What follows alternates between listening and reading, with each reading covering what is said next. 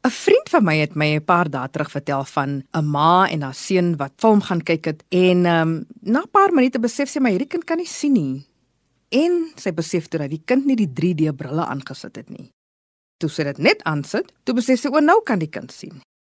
Soms kyk ons na die lewe met brille wat nie pas nie.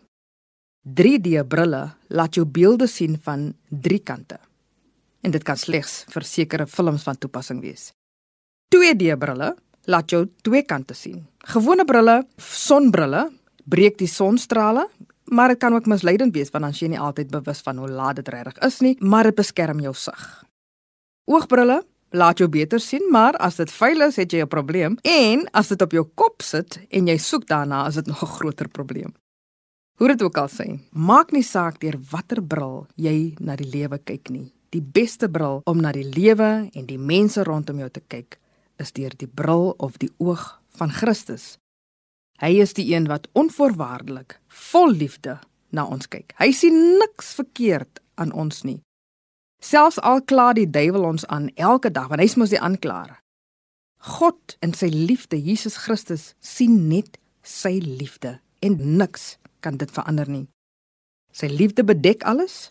Sy liefde glo alles. Dit sien alles net wat mooi is Kom ons sit vandag die bril van liefde aan. En ons besef dat sommige mense sal nie altyd dinge doen wat vir ons pas nie. Want ons is mos verskillend. Dit maak nie saak nie.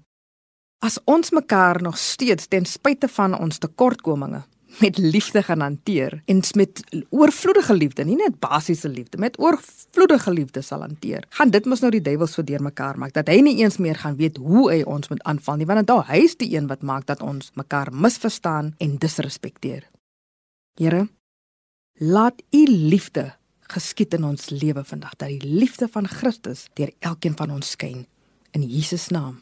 Amen.